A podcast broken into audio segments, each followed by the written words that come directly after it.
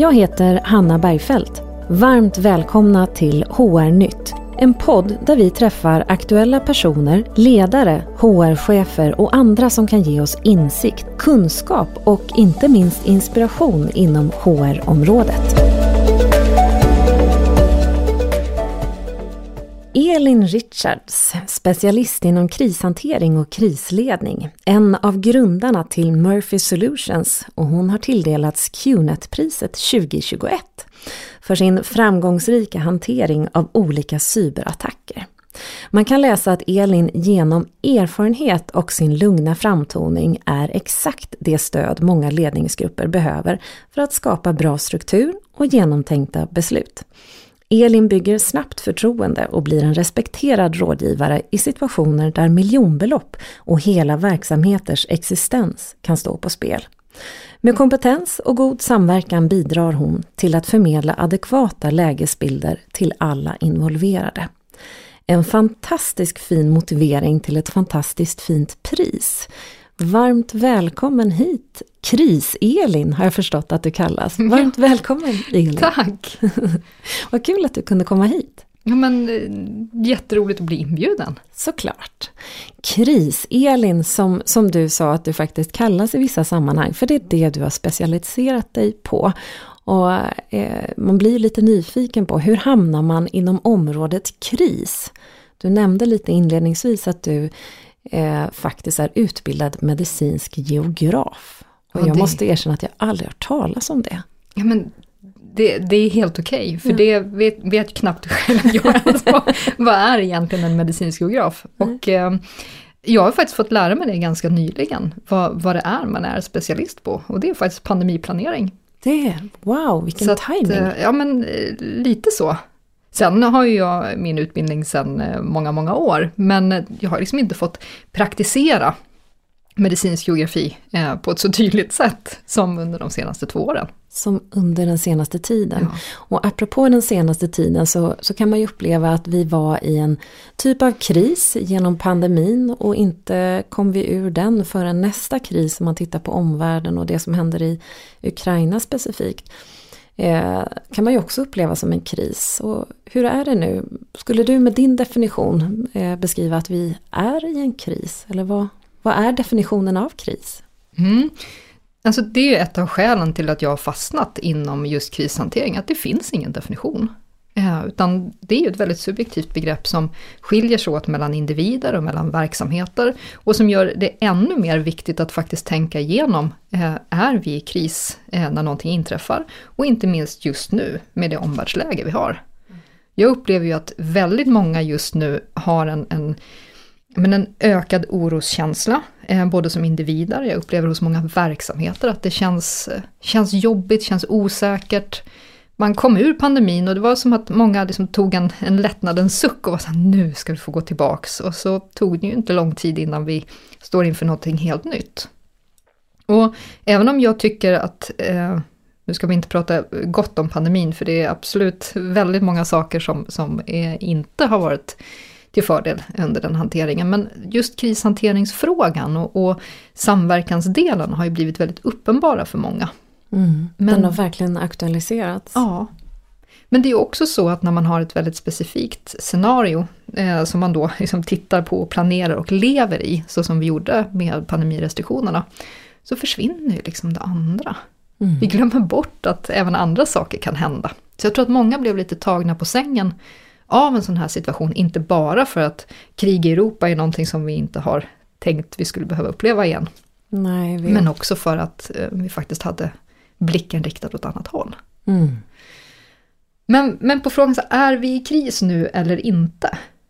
Um, så känner jag att det är jätteviktigt att vi liksom väljer att vända oss liksom inåt, in i våra organisationer och fundera över är vårt uppdrag faktiskt påverkat eller hotat på olika sätt? För det är ju någonstans det som är det jag har som definition på verksamhetskris. Det är ju, klarar vi av att upprätthålla vårt uppdrag som vi är givet? Alltså från en myndighet eller från våra ägare eller vem det nu är som har gett verksamheten sitt, sitt uppdrag och sitt, sin existens så att säga. Mm. Och klarar vi av att, att upprätthålla vårt uppdrag? ja men då, då är vi ju inte i kris. Nej. Men det betyder ju inte att verksamheten är normal för det. Det kan ju betyda att vi behöver jobba aktivt med alternativa lösningar, alltså kontinuitetsplaner. Eller att vi behöver liksom förstärka bemanningen eller på andra sätt utbilda eh, och liksom kompetensutveckla inom ett nytt område för att vi har en ny omvärldsbild. Absolut. Men klarar vi av vårt uppdrag så är jag av meningen att vi inte befinner oss i kris eh, just, just nu. Nej, just det. Och det är ju, det är ju eh, en intressant fråga tänker jag. Vad är definitionen av kris? Och det var en ganska bra definition som du har då. Att, att kan vi hantera vårt uppdrag och hålla verksamheten igång utan större påverkan, då är vi inte i kris. Mm. Men vad är det för typer av kriser som du möter i din vardag när du möter olika företag och organisationer?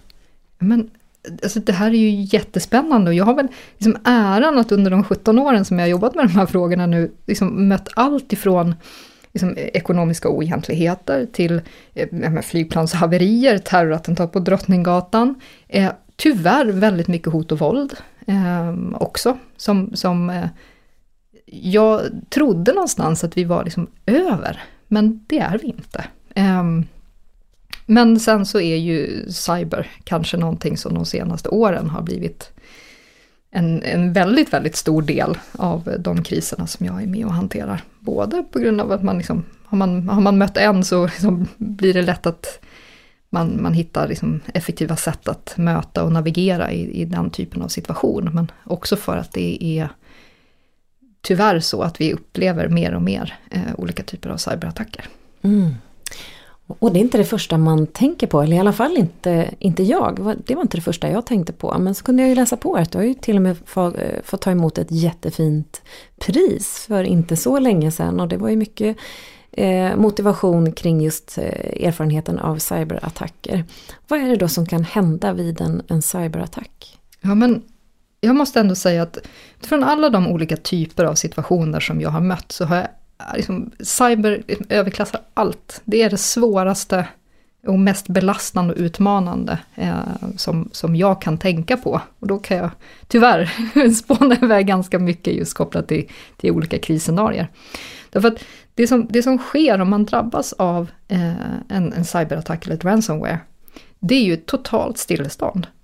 Och Sverige är ju idag ett av världens mest digitaliserade länder. Inte bara inom liksom produktionssida utan ja, men ta HR och HR-systemen och löneutbetalningar och, och, och, så vidare. Intern kommunikation.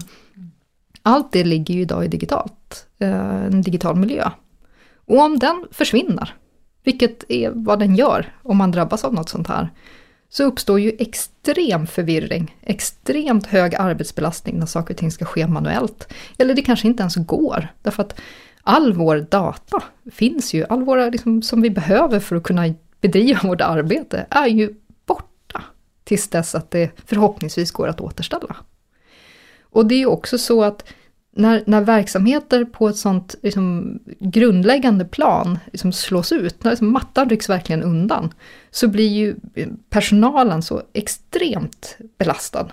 Så att eh, ja, vi har varit med om allt ifrån att vi har haft eh, människor som, som hamnar på akuten eh, under svåra cyberattacker till ja, gruppdynamiska utmaningar som, som är, eh, överstiger allt annat. Eh, och mycket av det handlar om att det tar så otroligt lång tid. Vi tror ju, eller jag själv som innan allt det här hade en ganska låg IT-kompetens och IT-förståelse, att ja, ja, men det är väl bara att köpa en ny dator eller logga in igen eller något annat så här enkelt. Men eh, den globala statistiken säger ju att det är 23 dygn med totalt stillestånd om Oj. man drabbas. Och 287 dagars total återhämtningstid. Oj, det är nästan mm. ett år då. Ja. Så tittar man i ett HR-perspektiv så är det en, en enorm utmaning för organisationen. Verkligen, både tänker jag eh, stresspåslag, eh, kommunikationssvårigheter men också vilken otrolig kostnadspåverkan det måste få. Det, det måste ju handla om enorma belopp som företag mm. riskerar att tappa genom ja. sådana här attacker. Och det är ju det som ja, men är hela skälet till att cyberarenan eh, 2025 kommer att vara världens tredje största ekonomi. eh, efter eh, USA och vad var det nu då för annat land? Ja. Mm. Något annat stort land. Men du, det, det, här var faktiskt inte det första jag tänkte på när vi skulle prata kris. Och det är därför det är så intressant att prata med dig Elin. Att helt plötsligt så var det cyberattacker som var mm. en av de mest aktuella kriserna att hantera. Är det den typen av frågor som ni får när du jobbar för Murphy Solutions? Är det cyberattacker man efterfrågar? Eller är det andra typer av uppdrag ni kommer in i till en början så att säga? Eller är, är bolagen medvetna om det här hotet? Alltså omvärldsläget är oftast det som driver eh, de förfrågningar som vi får. Så självklart var det så att när, när liksom coronapandemin slog till och vi började inse hur svårt det var, men då var det bemanningsplanering och, och eh, hygienfaktorer och sånt som man vände sig till oss om. Så, men hur ska vi göra, hur ska vi planera, hur ska vi tänka i den här nya världen? Och nu, eh, men sen egentligen eh, Kaseya-attacken som, som påverkade bland annat Coop, eh, som gjorde liksom cyber eh, crime känt i Sverige. Eh, så har det varit en, en, en drivande faktor som man hör av sig till, att man är lite rädd och orolig för just det här. Och det var inte så länge sedan som det hände och det, var, det som hände var egentligen att man kunde inte betala i deras system. Visst mm. var det så? Ja. Så var det. Mm. En, den här attacken slog ut deras kassasystem. Mm. Men eh, varorna fungerade ju och liksom, all, det hade varit möjligt under andra förutsättningar. Eh, framförallt inom liksom, det legala myndighets-Sverige som gjorde att det blev utmanande eh, att navigera när man inte då kan göra som vanligt. Mm. Oj, vad svårt. Jag förstår. Så det, det är en typ av kris. Mm. Vad, vad, finns det andra, annars för typer av kriser som bolag vänder sig till ja, dig men, eller er? Ett, ett givet omvärldsläge just nu, det är ju de oro, eh, oroskänslor som kommer av eh, Rysslands invasion av Ukraina och kriget där. Och det var många eh, som hörde av sig till, till mig och till oss precis eh, i samband med invasionen. Med så och vi måste göra om våra planer, vi måste skapa en ny organisation och väldigt liksom, starka eh, reaktioner och väldigt, väldigt stor oro. Och där försökte jag liksom vända det tillbaks till den här Indien-definitionen som vi pratade om. Men är, är ert uppdrag påverkat eller hotat? Nej, det är det inte. Nej, men vad är det då som, som gör att vi behöver ha en annan organisation eller liksom sätta andra processer eh, på plats än vad vi redan har? Och liksom i ett försök då att få, få eh, framförallt ledningsgrupper att, att vända det från liksom ett känslomässigt eh, agerande till att faktiskt vara ett, ett strategiskt och systematiskt eh, sätt att bedöma och förhålla sig till sin omvärld. Och nu ska vi inte säga att liksom, ja, men omvärldsläget är, det är helt lugnt, det är ingen fara. Utan, för så, så är det ju inte heller, utan vi ser både att, att det finns en, en stor oro Eh, kopplat till bland annat men, ekonomiska konsekvenser, vi har stora leveransstörningar, vi har en oro bland personalen som också måste omhändertas. Eh, och sen så kommer ju liksom de nya eh, regelverken, eller rätt sagt det förstärks de regelverken som finns kring civilt försvar och eh, ja, men, krigsplanering och totalförsvarsplanering. Som också, liksom, det har legat länge, det är inget nytt, men det aktualiseras och det gör ju också att det finns eh, lite mer blåslampa på vissa organisationer att ta tag i de här frågorna. Mm. Och, då, och, när du säger att, att eh, du kanske motar tillbaka lite och ber eh, ledning att kanske eh, hålla huvudet lite kallt om jag lägger in mina egna ord mm. i det för att inte bli känslostyrd utan lite mer rationell och strategisk. Har de här organisationerna en bra krisplan och en organisation för att hantera olika sorters kris? Är det en, din erfarenhet att de flesta organisationer har det så? Eller kan det vara så att man famlar lite för att man antingen inte har någonting alls på plats alternativt att man kanske inte känner till sin egen plan, att den inte har varit genomarbetad så många mm. gånger kanske. Alltså hur ska man säga det här på ett så fint och diplomatiskt sätt? Det behöver inte vara så diplomatiskt. Nej men så här, väldigt få eh, verksamheter och också individer i Sverige har utstått eh, liksom stora kriser så som jag anser är liksom stora kriser. Och det gör också att vår, vår faktiska medvetenhet och förståelse över vad, vad som kommer att krävas av oss, den är förhållandevis låg. Och det kan vara så att det finns liksom ett, ett, antal individer i en större organisation som har den insikten, som har varit med om väldigt svåra saker, antingen i en, i en annan tjänst eller i det privata, som, som gör att man skapar liksom, men en, en intern frustration. Några vill väldigt mycket, några ser och är oroliga över sin egen organisationsförmåga. Medan andra är så här, ja men det händer inte oss och nej men vi, vi kommer klara det här bra och det är inga problem. Och inom just HR-delen, eh, där liksom arbetsmiljö och arbetsplatsolyckor, det är någonting som vi, eh, nu låter det kanske fel, men som är vana har oftast en förmåga att hantera. Men vi får inte heller glömma bort att en arbetsplatsolycka i de allra flesta fall är, är ganska lokal och ganska begränsad i sin omfattning. Även om det kan vara liksom katastrofala konsekvenser för individen och de närmaste arbetslaget, så får det sällan liksom en verksamhetskonsekvens i det större. Och det gör ju också att vi behöver liksom tänka och våga tänka större. Um, och om vi inte riktigt förstår, eh, eller i vissa fall liksom vill förstå, man kör lite strutsbeteende, bara, men det, det drabbar inte mig, det drabbar andra. Men då blir vi ju också inte heller speciellt öppna att analysera och utvärdera vår egen förmåga och egen verksamhet. Nej. Så att, ja, för att återgå till frågan, nej men jag tror att de allra flesta har en, en eh, falsk tilltro till sin egen förmåga. Och jag tror också att eh, många organisationer eh, har, har eh, de som har börjat planera, de, de har gjort det så stort och så svårt för sig så att för de få individer som arbetar med frågan internt så blir det nästan övermäktigt. Mm. Och vi ska bygga kontinuitetsplaner och vi ska ha krisplaner och vi ska ha övningar och liksom någonstans så blir man så men okej, men jag kan ju inte göra allt det här, utan det är ju organisationen som måste göra allt det här. Just det. Och, och jag kan också eh, tänka utifrån de bolag som jag har varit i att när krisen väl uppstår så är det ju sällan att den blir precis sådär som man hade planerat enligt de där övningarna man hade gjort. Utan inte sällan så är det någonting som gör att det vart inte precis som man hade tänkt sig. Ehm, och så gick det ganska bra i alla fall. Mm. Men hur gör man tycker du för att rusta sig för en oförutsägbar kris? För oförutsägbarheten är kanske den, också en del av definitionen kanske? Eller? Ja, men, alltså, det närmsta vi kommer till definition i Sverige, det är faktiskt den definition kring det som lagen säger är extraordinär händelse, som finns i, håll i det nu, nu är lagen med det långa namnet, lagen om kommuner och regioners insatser inför och vid extraordinära händelser i fredstid och höjd beredskap. Åh hjälp, Elin! Ja. Kris-Elin, det där mm. kunde du som ett rinnande vatten. Ja, fantastiskt. Ja, det är den närmaste en, en liksom enhetlig definition vi kommer. Och mm. oavsett om man är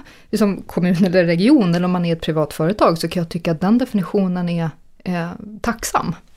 Och den säger att en, alltså en extraordinär händelse är en händelse som avviker från det normala, innebär en störning eller en överhängande risk för allvarlig störning i ja, samhällsviktiga funktioner, det är ju så man bedömer kommun och region, och kräver skyndsamma insatser. Mm. Och använder vi oss av det, så men det avviker från det normala, då brukar jag ta exemplet eh, ett fotbollsderby. Det avviker inte från det normala att det blir skadegörelse, en stor polisinsats, jättestökigt eh, på stan, trafikstörningar. Ja, men för, för Sorgligt men sant. Ja. Mm. Och det innebär ju att men vi har ju liksom polisen sätter en särskild organisation och, och eh, kommunen och, och liksom lokaltrafiken planerar för liksom förändrade trafikflöden och sjukvården staffar upp och butiksägare, men de drar ner jalusier eller förstärker sin bevakning och liknande. Så det avviker inte från det normala. Nej, just det. Och, och då kan vi fråga sig, är det en kris då? Nej, för då har vi planerat för det. På samma sätt, jag brukar ta ett annat exempel, det är så att och har man det som, som poddlyssnare får man jättegärna höra av sig, för då jag letar efter den som svarar ja på det här. Man har upplevt en IT-migrering som har gått helt smärtfritt. Ja, du skrattar. Ja, jag, jag skrattar för det, det, tror jag faktiskt aldrig att jag har hört någon som har gjort det mm. heller. Det går aldrig enligt mm. plan och det är alltid jobbigare än vad man kan föreställa sig. Ja. Och oftast, men det kallar vi ju inte kriser. Nej. Mm, Okej, okay. vad blir det då liksom och hur ska vi göra? Mm. Eh, nu har jag tappat bort den inledande frågan. Mm, ja men det var ja. jätteintressant så det gör ingenting. Det gör ingenting alls. Men jag tror att det som jag var inne på lite där. Hur kan man rusta sig ja. för att förbereda sig för någonting som man inte vet vad det är som kommer mm. hända mm. egentligen. Det ja, men, är det som blir själva svårigheten. Men det är det här som jag tycker är det spännande om vi återgår till just definitionen som finns i, i den lagen, som jag som sagt mm. lagen med det långa namnet. Mm. Där finns ju också det här att en händelse då, den avviker från det normala, men den, den innebär en störning eller överhängande risk för allvarlig störning. Och här tycker jag det är helt fantastiskt att i en definition kunna bygga in en proaktivitet. Mm. Alltså att vi ska inte behöva vänta på att liksom, det blev sådär jättejobbigt och jättesvårt innan vi faktiskt vidtar åtgärder, utan vi ska kunna göra det också så att mm, det skulle kunna bli. Till exempel då en IT-migrering. Ja, men det, vi vet ju att det kommer bli stökigt, så vi vidtar åtgärder. Eller en derbymatch. Mm. Och det är här någonstans som jag tror att vi har den här lilla nyckeln till just förberedelsen. Att vi måste bli mer och mer medvetna om hur vår liksom, hot och riskbild faktiskt ser ut. Och vilka liksom, utmaningar och sårbarheter vi har. För då kan vi också börja bygga en ärlig förmåga. Mm. Så att ja, men, de här delarna hänger ihop. För att om vi inte har en, en insikt och en förståelse för vad, vad vi skulle kunna drabbas av, vad som skulle kunna medföra den här liksom, avbrottet eller liksom, störningen i vår verksamhet, eller vad som avviker från det normala. Då kan vi ju heller inte ta fram en plan för att hantera och möta det. Men sen måste vi förstå att det räcker ju inte med att oh, vi vet att det här är jättejobbigt och jättefarligt och nu tar vi fram en plan för det. Vi måste ju också ha någon form av ambition om ständig förbättring eh, så att vi faktiskt jobbar aktivt med att liksom, ta bort sårbarheter och förändra liksom, vår utsatthet, vår exponering för de här riskerna och hoten. Så att vi vad kan det vara till exempel? Förlåt att jag avbryter dig, men vad, kan, vad skulle det kunna vara till exempel? Jo, men om, om vi, vi kan välja eh, ja, men till exempel brand Eh, om vi säger att men, brand skulle kunna vara katastrofalt både för, för våra medarbetare, för våra kunder men också för våra lokaler och våra liksom, tillgångar. Så. Ja men då är ju brandlarm någonting som minskar utsattheten. Och vi kan jobba med sprinkler och vi kan ha andra tekniska lösningar. Vi genomför eh, eh, ja, installationer som gör att sannolikheten att vi får en brand eller att en brand blir fullt utvecklad blir mindre. Men förmågan den ligger ju i att vi faktiskt genomför eh, brandövningar, att vi liksom skapar medvetenhet kring att det här är en fara, att vi ska bli mer uppmärksamma och medvetna på olika typer av, av risker då. Och vi ser att någon står och röker där man inte får göra, men eh, då, då, behöver vi eh, ändra det. Eller om vi ska genomföra heta arbeten till exempel, ja, men då måste vi ha eh, rätt kompetens och göra det liksom med, med en, vi gör riskanalyser innan till exempel. Det bygger ju vår förmåga. Mm. Det är det som, som du tänker på förmåga, då förstår mm. jag. Mm. Intressant. Så att förmågan i sig, jag brukar dela in, det här är ju jättespännande, mm. gud vad roligt. Förmåga, det tycker jag, den är, den är tvådelad. Den är ju den individuella kompetensen som, som du och jag och alla, liksom, både inom en organisation men individer också i, i, i samhället så att säga vi måste ju ha en, en förmåga att, att, förstå vår riskbild. Vi måste jobba aktivt med att vara mindre sårbara, eh, mindre utsatta. Och sen så måste vi också ha en, en förmåga att, att kunna liksom möta svåra händelser. Och det, det går ju liksom det finns ju inget, inget recept som säger att åh, den här individen eller på det här sättet så blir du liksom alltid 100% eh, bra. Så finns det ju inte. Nej, vad synd. Mm. Ja, jag vet. Det är hemskt. Men vi kan göra allt vi kan genom att liksom, men, utveckla oss själva, gå utbildningar, träna, öva. Jag älskar ju Ingmar Stenmarks eh, citat, så jag vet ingenting om tur, bara att ju mer jag tränar desto mer tur har jag. Mm. Och den gäller ju för liksom, att möta svåra händelser också. Mm. Tittar vi på polis och räddningstjänst och sjukvårdspersonal till exempel, ja, men, de är ju jätteduktiga på att hantera svåra, svåra situationer och olyckor. Mm. Men de har ju kanske inte tränat på ja, evenemangsplanering eller eh, logistikplanering inom eh, lokaltrafiken eller något annat. Så skulle man sätta en sån individ där och så här, nu är det snökaos, nu ska du planera hela Västtrafiks buss, busstrafik. Det skulle förmodligen inte gå så bra. Eh, men däremot skulle det vara en bussolycka och de skulle vara först på plats. Men då kanske de skulle vara liksom bäst mm. just där. Så egentligen att träna upp och, och öva på det oförutsägbara som, som mm. skulle kunna inträffa mm. skapar egentligen att man rustar sig lite och får en förmåga att hantera oavsett vad det kan vara för någonting. Ja, och, och där måste vi, som en stor del tycker jag, i att bygga den individuella kompetensen, det är att lära känna sig själv. För om jag vet att ja, men jag blir väldigt, väldigt stressad när, när jag hamnar i nya situationer. Ja, men då kanske jag inte ska utsätta mig så mycket för det, utan liksom så här, men då, då har jag en plan och jag har liksom en, en nedskriven eh, instruktion för mig själv för hur jag ska göra, hur jag ska tänka. Eller jag sätter andra liksom, verktyg på plats i, i hur jag, jag som individ ska göra för att hantera mig själv och mina stressreaktioner som kommer. Mm. Men vi måste också se att vi måste bygga en organisatorisk kompetens. Så det räcker ju inte med att vi i en verksamhet, så här, liksom, vi, har, vi i våra rekryteringskrav så säger vi så att oh, men du ska vara jätteduktig på att möta oförutsedda händelser. Vi måste ju se till att vi också säger på det här sättet. Mm. Och det är ju här den organisatoriska kompetensen finns då. I våra planer, våra rutiner och instruktioner. Liksom den, det ramverk som vi sätter upp för hur bra ska vi vara på det här. Alltså vilken kvalitet och vilken kapacitet och under hur lång tid ska vi klara av att upprätthålla vår verksamhet vid olika typer av störningar. Mm. och det är ju jättesvårt att, att, veta på förhand för det är som du ja. säger, man kan rekrytera någon som ska klara det ena och det andra men det är ju långt ifrån alla tror jag som har varit med om en situation där man faktiskt får testa den förmågan mm. i skarpt läge. Ehm, det, det, är ju en sak att mm. tro att man är på ett vis men hamnar man i en akut kris så är i alla fall min bild av att man, man kan se människor eh, reagera och agera på helt andra mm. sätt än vad man trodde och mm. förväntade sig. Men jag tycker att det, det är jättespännande hur vi, vi ser på eh, ja, kompetens och, och, att ta hjälp. Att gå till läkaren om man har någon form av liksom kroppslig åkomma av något slag. Eh, alltså, men jag, jag har ont i en arm, ja men då går jag till läkaren. Det är ju inte ifrågasatt varken hos den som söker eller hos omvärlden. Så här, självklart ska du gå till läkaren. Det är jättebra att du kollar upp det här, att du tar hjälp och liksom får det. Men när vår organisation mår dåligt, då sluter vi oss väldigt gärna. Mm. Då ska vi klara det själva. Och vi, liksom, jag, vet inte riktigt var det kommer ifrån. Att liksom inte vilja ta hjälp och stöd då av men, får man säga, en, en krisdoktor eller en organisationsdoktor om man nu vill använda den terminologin. Men så som jag ser det, om, om vi hade verksamheter som bara var i kris hela tiden, alltså som hade den erfarenheten och förmågan själva.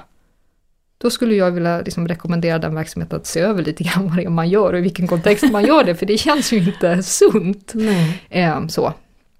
Och på det sättet så kan väl jag se eh, mig själv och mina kollegor vad vi gör. Vi är ju mer som, som men, eh, liksom insatspolis eller en brandman eller en, en sjukvårdare. Att man, man, blir, man letar efter vissa liksom, signaler eller eh, problembilder. Och så hjälper man till att identifiera det.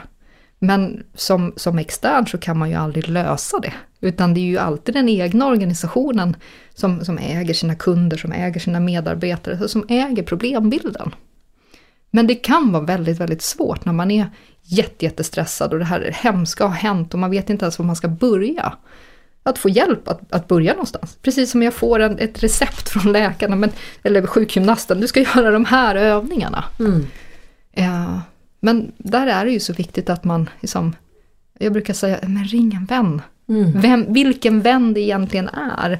För att få, få ett, någon som inte är själv är så påverkad. Som kan hjälpa mig när jag är så stressad. Att liksom sortera i allting och få liksom en väg framåt. Gör det här först och sen det och sen det. Och sen så är man förmodligen liksom ur den värsta eh, stressfasen. Mm. Och klarar av att hantera det här själv. Det är ju jättebra. Och jag tänker de organisationer och bolag som du möter då.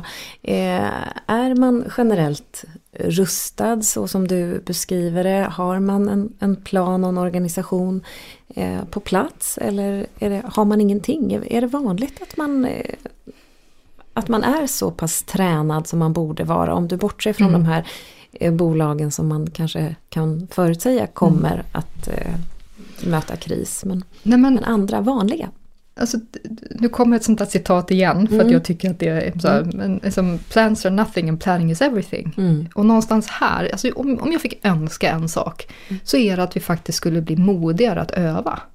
Att utsätta oss för olika, ja, men, ta till exempel, har man, har man identifierat ett, liksom fem stycken topprisker, det här är liksom det värsta som skulle kunna hända på verksamhet. Ja, men, avsätt två timmar då, och sen så diskuterar vi igenom där, hur skulle det faktiskt bli? Så att vi fick liksom känna igenom den här situationen utan att det är på riktigt.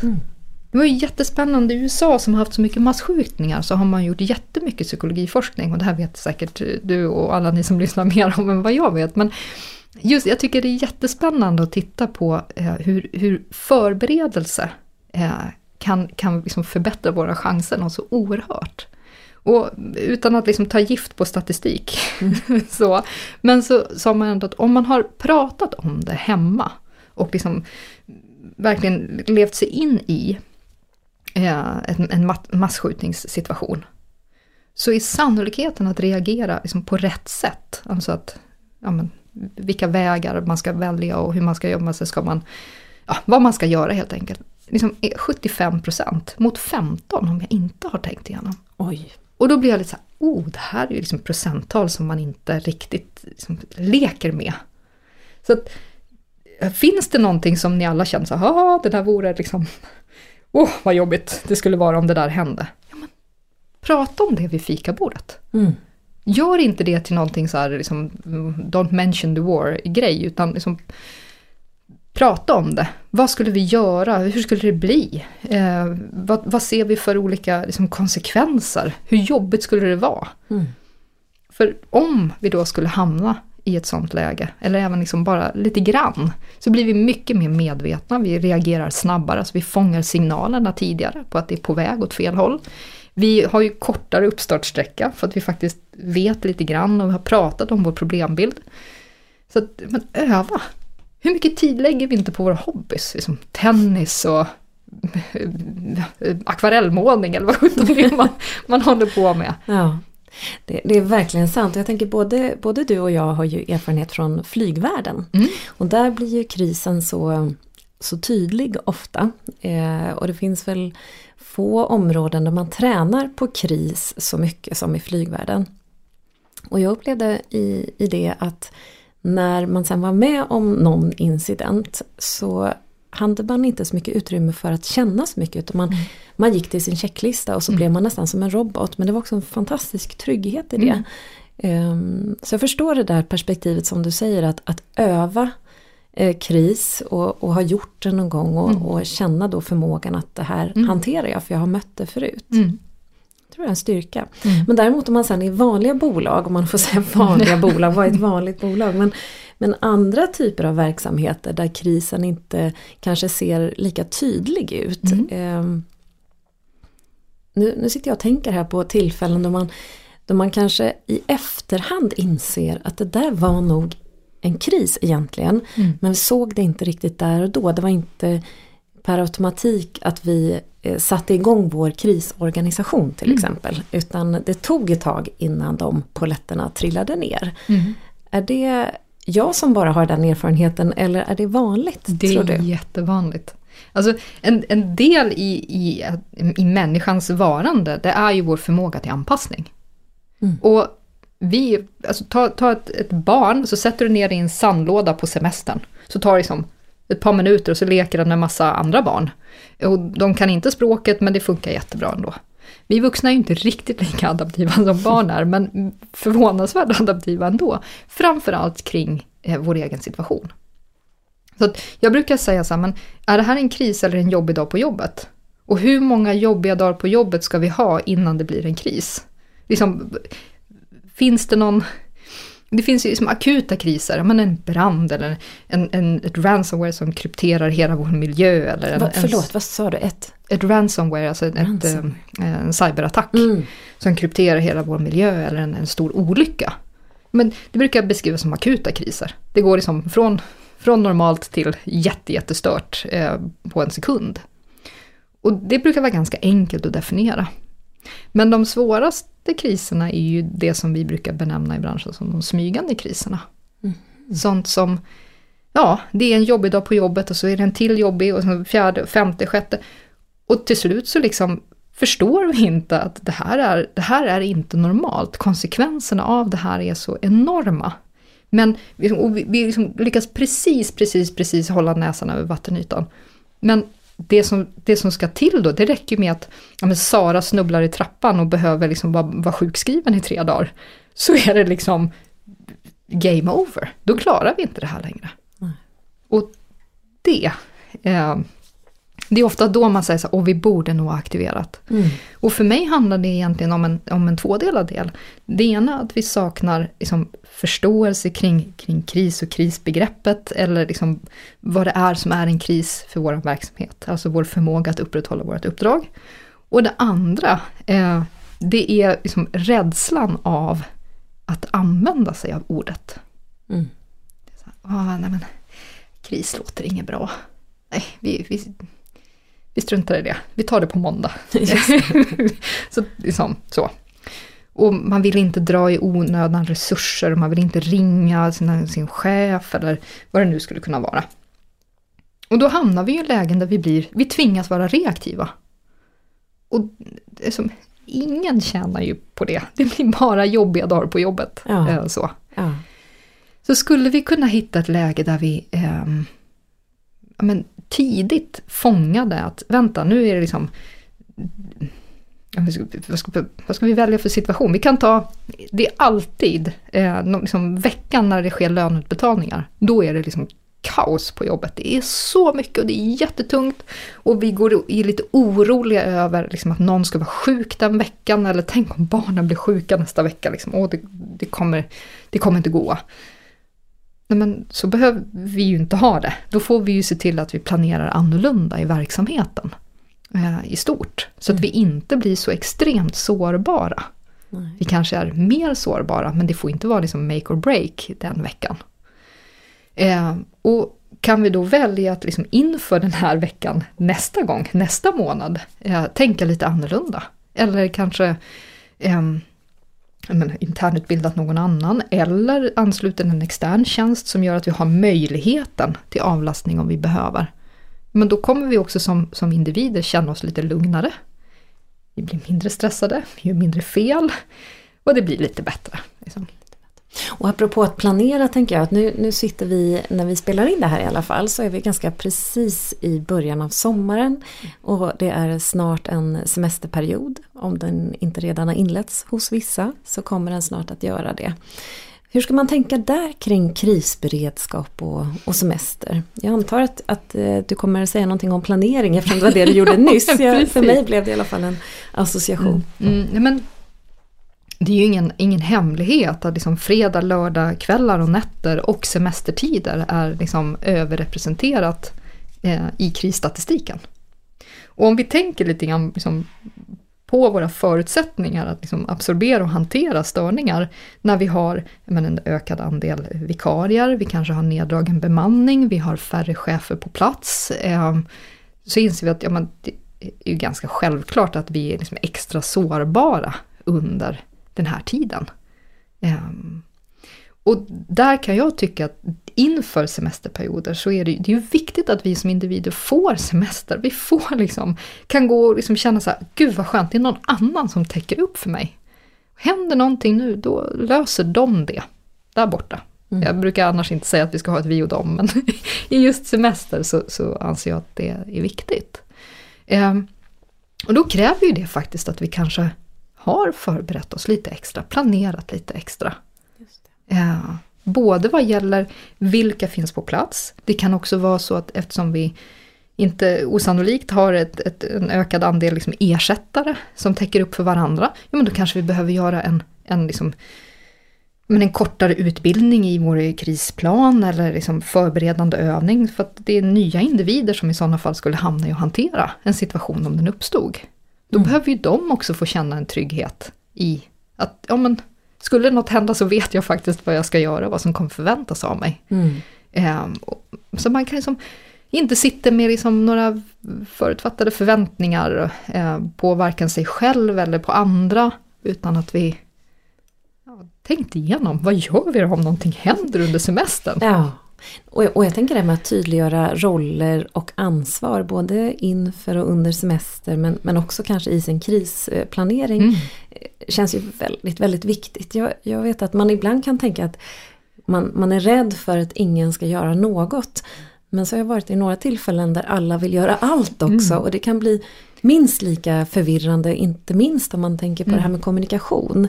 Mm. Eh, som kan få ganska förödande konsekvenser när, när flera vill kommunicera i all välvilja.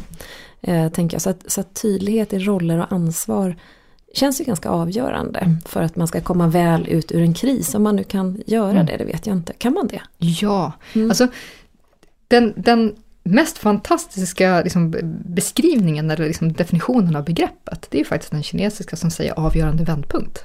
Ah. Och väljer vi att se det så, då finns det ju som oanade möjligheter i en krissituation. Mm. Om vi ska ta några liksom, corona-reflektioner, mm. så är det bland annat eh, i Finland har man ju försökt med liksom, digital, eh, eller mobilbetalningslösningar. Mm. Det har varit jättesvårt. Yes.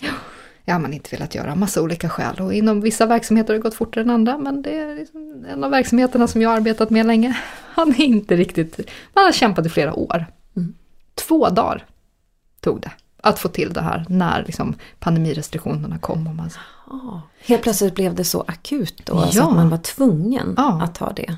Eller till exempel en sån sak som jag vet att många sitter med just nu, det här med att liksom öka säkerheten i sina digitala lösningar. Vi ska ha multifaktor i våra inlogg. Det kommer inte gå, det kommer vara så jobbigt och det är sånt motstånd i organisationen.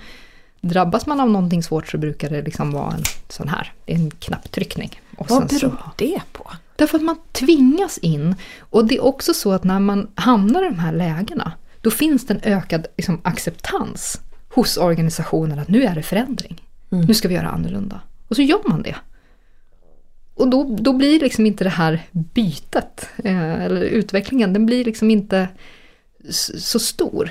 Människor generellt gillar inte förändring. Vi tycker att det är liksom jätteskönt när allt har varit som det Så här har vi alltid gjort. Ja. Eh, men när vi då hamnar i en, en krissituation och det som vi alltid har gjort uppenbarligen inte fungerar, då kan vi ju ändra massa saker. Mm. Så att jag brukar försöka eh, liksom, vända den här liksom väldigt negativa inställningen till kris och krissituationer till att faktiskt vara, att, att kunna se det, eh, inte som någonting positivt, men som en möjlighet att faktiskt liksom utveckla individ och organisation framåt. Mm. Och något som jag eh, ser som jätte, jätteviktigt, det är ju att vi, vi verkligen ser det vi är med om som ett lärande. Alltså inte att vi hamnar i någon så här dömande ja, jag vet inte ens vad man ska kalla det för, det finns massa sådana strukturer och teorier. Men, men att vi, vi är med om någonting svårt och så väljer vi att verkligen liksom, både medans det sker, eh, men framförallt efter. Så, men vänta, vad funkar bra? Och vad hade vi kunnat göra annorlunda? Om vi fick göra om samma sak igen imorgon liksom. Mm. Och då skulle jag ha informerat tidigare eller jag skulle ha samlat all personal för ett möte eller jag skulle ha använt den här eh, interna resursen som stöd till mig själv. Ja, men då ska vi ju se till att om någonting liknande händer igen, ja men då ska vi göra de sakerna. Just det. Så. Och det låter ju så, så det påminner lite, jag, jag fick förmånen att träffa Stefan Söderfjell som är en ledarskaps och eh, forskare som också har doktorerat inom psykologi. Han pratar om, ganska mycket om det här med after action review. Ja. Att reflektera mm. lite kring vad som just hände. Mm. Eh, det låter ju precis som en sån mm. typ av process. Men om man nu skulle ta lite lärdom av de organisationer som du har mött. Finns det någonting sånt där som är gemensamt som du kan dela med dig av som, som många brukar reflektera kring och, och känna att det här skulle vi ha gjort annorlunda? Finns det gemensamma eh, delar så att säga? Ja, men något av det kanske vanligaste, det var du inne på eh, tidigare Hanna, det här att man, man väntar lite för länge. Mm. Vi kanske borde ha aktiverat vår krisorganisation. Och jag har sagt, nej men, vi, vi, vi ska ju inte vara rädda för att, att eh, samlas och prata om, om en, en svår situation. För det gör vi ju om nästan allting annat. Så att, var inte rädda för att sammankalla krisorganisationen. För det värsta som skulle kunna hända, det är att vi liksom har pratat igenom någonting vi står inför och kommit fram till att nej, men det är helt i sin ordning, vi kan hantera det här. Mm. Och jag tycker inte att det ens är det värsta, jag ser det som någonting superpositivt. Vi har liksom fått en, en gemensam syn på där vi står och vad, vad, som, vad vi ska göra och vad som ska hända. Mm. Och sen kan alla liksom andas ut efter det och fortsätta som vanligt. Det låter fantastiskt. Ja. Eh, och du har kommit med så otroligt många bra eh, tips här Elin. Eh, allt ifrån definitionen av kris som, som inte är helt och hållet satt men i alla fall att det verkar vara en oväntad händelse som påverkar den normala driften kanske man kunde mm. sammanfatta mm. det som mm. ungefär. Eh, och att man som bolag ofta skulle må bra av att identifiera de olika riskerna som skulle kunna inträffa mm. oavsett om det är en cyberattack eller rån eller brand mm. mm. nämnde du. Att faktiskt både öva och planera för sitt agerande. Och sist men inte minst våga sammankalla krisorganisationen när, när man tror att det finns en risk för någonting lite tidigare än vad man kanske mm. eh, känner sig bekväm med då mm. i vissa lägen. Man ska inte behöva gå runt och så här, ha en liten dålig känsla i magen. Det är helt onödigt. Mm. Låt prata om den. Nu känns det inte riktigt bra. Mm. Det säger vi ju i, i, relationer och vi säger det till, till barnen och vi, all, hela tiden. Att liksom prata med varandra om hur det känns. Ja, men, låt oss göra det eh, öppet som organisation också. Nej. Det känns lite stökigt nere på den där avdelningen. Vad är det som händer? Ja, mm. men, vi har satt processer och vi har en plan och det är just det av det här och det här skälet. Ja, men säg till om vi kan göra någonting för att avlasta. Istället mm. för att man liksom skickar dit ytterligare uppgifter eh, när det är som extra jobbigt. Liksom. Jättebra. Så lärorikt och så fantastiskt många kloka tips tycker jag och, och, reflektioner. Man sitter och tänker mycket man kunde ha gjort annorlunda i vissa situationer men ibland kanske man också måste se på att man, man lärde sig någonting av mm. det. Eh, och apropå att lära av saker man har varit med om. Mm. Finns det något misstag eller sådär som du har gjort som du kan dela med dig av? Som du hade velat göra annorlunda eller som du har lärt dig av? det finns så många. Jag vet inte var jag ska börja nej. egentligen. Eh, nej men en del eh, ett, ett som, som eh, blev, blev eh, väldigt uppenbart. Det var i en, en, eh, en vilja att, att informera. Att man helt enkelt liksom drar vidare mejl. Ja, men det här har jag fått reda på. Och sen så är det liksom inte filtrerat och tvättat och sen så dras det vidare i sin tur och så hamnar det liksom på fel, fel ställe så att säga. Mm. Så att liksom vikten av att man, man har en väldigt tydlig strategi och också liksom en målsättning med eh, sin hantering och med sin, sin kommunikation, alltså sin budskapshantering. Som gör att ja, det här är information som vi vet men vi behöver paketera den på det här sättet för att den ska tas emot av mottagaren på mm. rätt sätt. Just det. Där finns det många lärdomar att dra av. Ja, det kan jag tänka av, mig. Liksom. Både kanske att du har varit med om det själv men att du har sett det i olika organisationer. Ja. Det kan jag verkligen tänka mm. mig. Så viktig lärdom. Så otroligt mycket som man, man går men hem och Jag har en annan lärdom. Ja. Får jag, förlåt, ja, bara, kör på. Det, det interna förtroendet i en krissituation, det är det som vi mäter i, i efterhand, ungefär sex månader efter att en organisation har varit med om någonting svårt. Så så här, gick det bra eller inte bra? Mm. Det kan man se på om organisationen har liksom en stabil eh, personal eh, eller bemanningssituation eller inte. Så väljer många att sluta, framförallt i ledande befattning som slutar efter ungefär sex månader. Då gick det förmodligen inte så bra. Mm. Då finns det liksom, nej det, det känns inte riktigt bra att jobba här längre. Men om vi istället ser tvärtom, att vi, vi är kvar, vi kanske har rekryterat tillbaka, de som har slutat. Då kan vi ju å andra sidan se det som det är den andra sidan på spektrat, att det har gått jättebra. Man känner en, en ökad lojalitet, ett ökat förtroende för sin ledning och för sin organisationsstruktur och en, en stolthet över det uppdrag man har. Mm. Och en väldigt viktig del lärdomsmässigt i att hantera det, det är att vara inkluderande med personalen. Alltså de, det är de viktigaste resurserna man har. Det finns inte 65 personer i källaren som bara hoppar upp och säger nu ska vi hantera kris. Utan det är ju, det är ju medarbetarna som gör det. Ja. Eh, och där är det jätteviktigt att vi förstår att krisorganisationen, det är inte de som vi samlar runt ett bord. Utan det är ju hela organisationen som möter krisen tillsammans. Verkligen, och vilka fina slutord Elin, för det är ju så sant. Och eh, vad svårt det kan vara ändå att vara sådär inkluderande, även om man, man har förståelse för att det är viktigt. Eh, så tror jag att det många med mig säkert har hanterat i det där lilla rummet mm. och haft massa planer och strategier och glömt bort alla, mm. alla de andra som möter krisen på samma sätt, mm. precis som du säger. Mm. Eh, och att vara transparent med dem men samtidigt inte bara dra iväg ett mm. mejl mm. ofiltrerat för att det kan både tolkas och uppfattas på andra sätt än vad man har tänkt. Jättebra Elin.